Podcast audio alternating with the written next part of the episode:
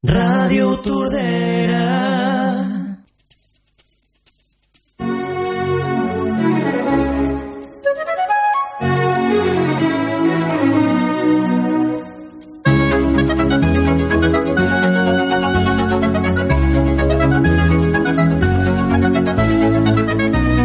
Viure del conte, on la veu dóna sentit a la lectura, on la lectura és un plaer, on el ple és literatura. on la literatura es transforma en veu.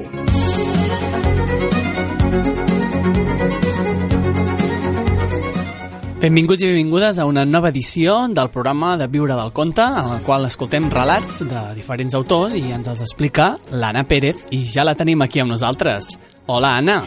Hola, Robert. Hola a tothom. Avui he portat eh, el relat Vida matrimonial del Per què de tot plegat, el llibre d'en Quim Monsó, i el que em va cridar l'atenció d'aquesta història és com reflecteix el cansament que va creixent en una parella, l'esgotament de la confiança en l'altre i que normalment es destapa en les situacions més íntimes.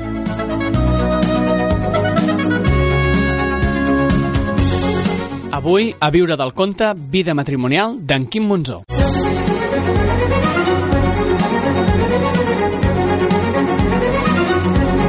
Viure del conte.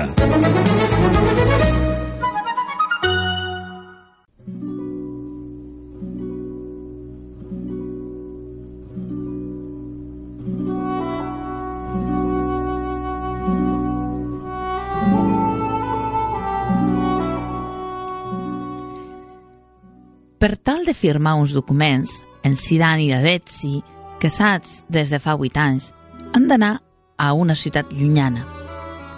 I arriben a mitja tarda. Com que fins l'endemà no podran resoldre l'afer, busquen un hotel on passar la nit. Es donen una habitació amb dos llits individuals, dues tauletes de nit, una taula per escriure, hi ha sobres i paper de carta amb la capçalera de l'hotel en una carpeta, una cadira i un minibar amb un televisor al damunt.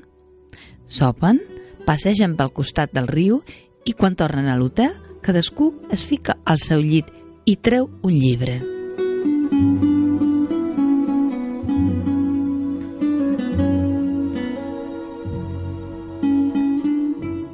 Pocs minuts més tard, senten que a l'habitació del costat carden.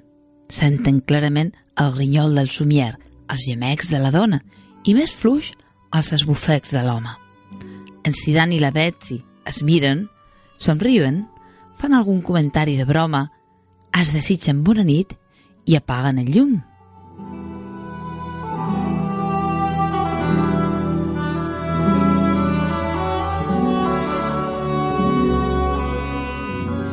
En Sidan, calent per la cardada que encara sent a través de la paret, pensa a dir-li alguna cosa a la Betsy. Potser ella s'ha posat tan calenta com ell? Podria acostar-s'hi, asseure's al llit, fer bromes sobre els veïns de l'habitació i, com aquell qui re, acariciar-li primer els cabells i la cara, i tot seguit els pits. Molt probablement, la Betsy s'hi apuntaria de seguida. Però, i si no s'hi apunta? I si li en retira la mà i fa petar la llengua, o pitjor encara, li diu «No en tinc ganes». Fa anys no hauria dubtat. Hauria sabut just abans d'apagar el llum si la Betsy en tenia ganes, si els gemecs de l'habitació del costat l'havien encès o no. Però ara, amb tants anys de teranyines al damunt, res no és clar. En Sidan es gira de costat i es masturba procurant no fer gens de fressa.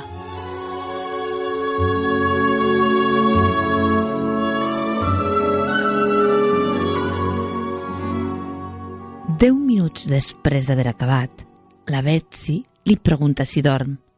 En Sidan li diu que encara no. A l'habitació del costat ja no gemeguen. Ara hi ha una conversa en veu baixa i rialles soterrades. La Betsy s'aixeca i va cap al llit d'en Sidan. Aparta els llençols, s'hi estira i comença a acariciar-li l'esquena. La mà baixa de l'esquena fins a les natges. Sense prou coratge per dir-li que s'acaba de masturbar, en Sidan li diu que no en té ganes.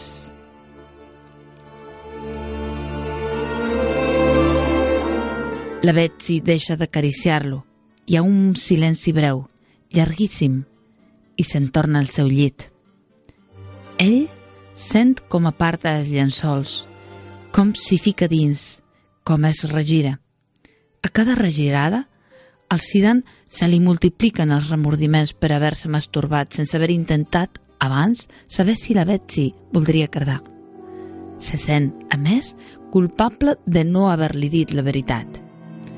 Tan poca confiança es tenen, tan estranys són ja l'un per l'altre, que ni això no li pot dir?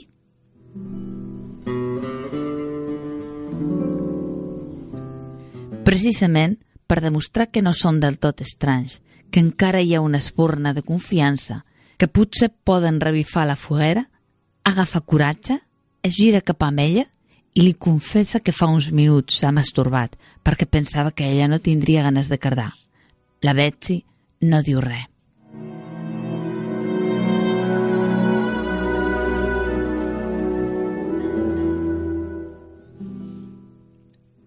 Minuts després, en Sidan suposa, pels sorolls dissimulats que li arriben, que la Betsy es masturba. En Sidan sent una tristesa immensa. Pensa que la vida és grotesca i injusta i esclata a plorar. Plora contra el coixí, enfonsant-hi la cara tant com pot. Les llàgrimes són abundants i calentes i quan sent que la Betsy ofega el gemec final contra el tou de la mà, xiscla amb un xiscle que és el xiscle que ella es mossega.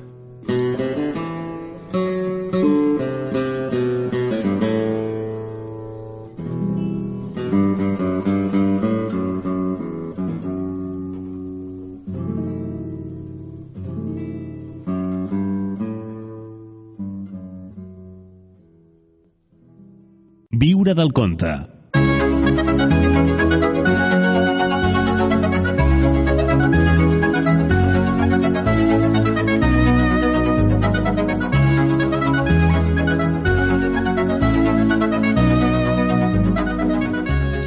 Acabem d'escoltar Vida matrimonial d'en Quim Monzó, aquest relat doncs, que ens ha explicat l'Anna. Moltes gràcies. Gràcies a vosaltres, espero que us hagi agradat. Si voleu tornar a escoltar aquest relat, ho podeu fer en redifusió els dijous al matí, al, dins del programa de Bon Matí. També ho podeu fer a l'apartat Radio La Carta a radiotordera.cat o bé al nostre perfil del Facebook Viure del Conte. Nosaltres us esperem cada divendres passats uns minuts a les 5 de la tarda i de les 10 de la nit, aquí, a Viure del Conte.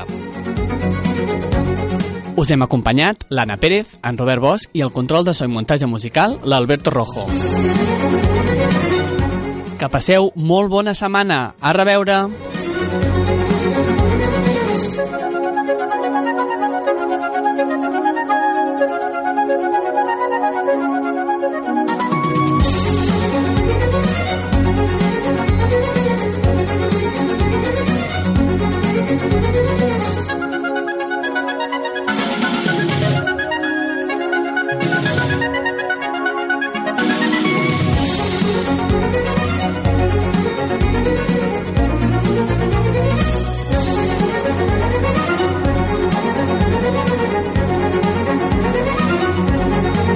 Del conte.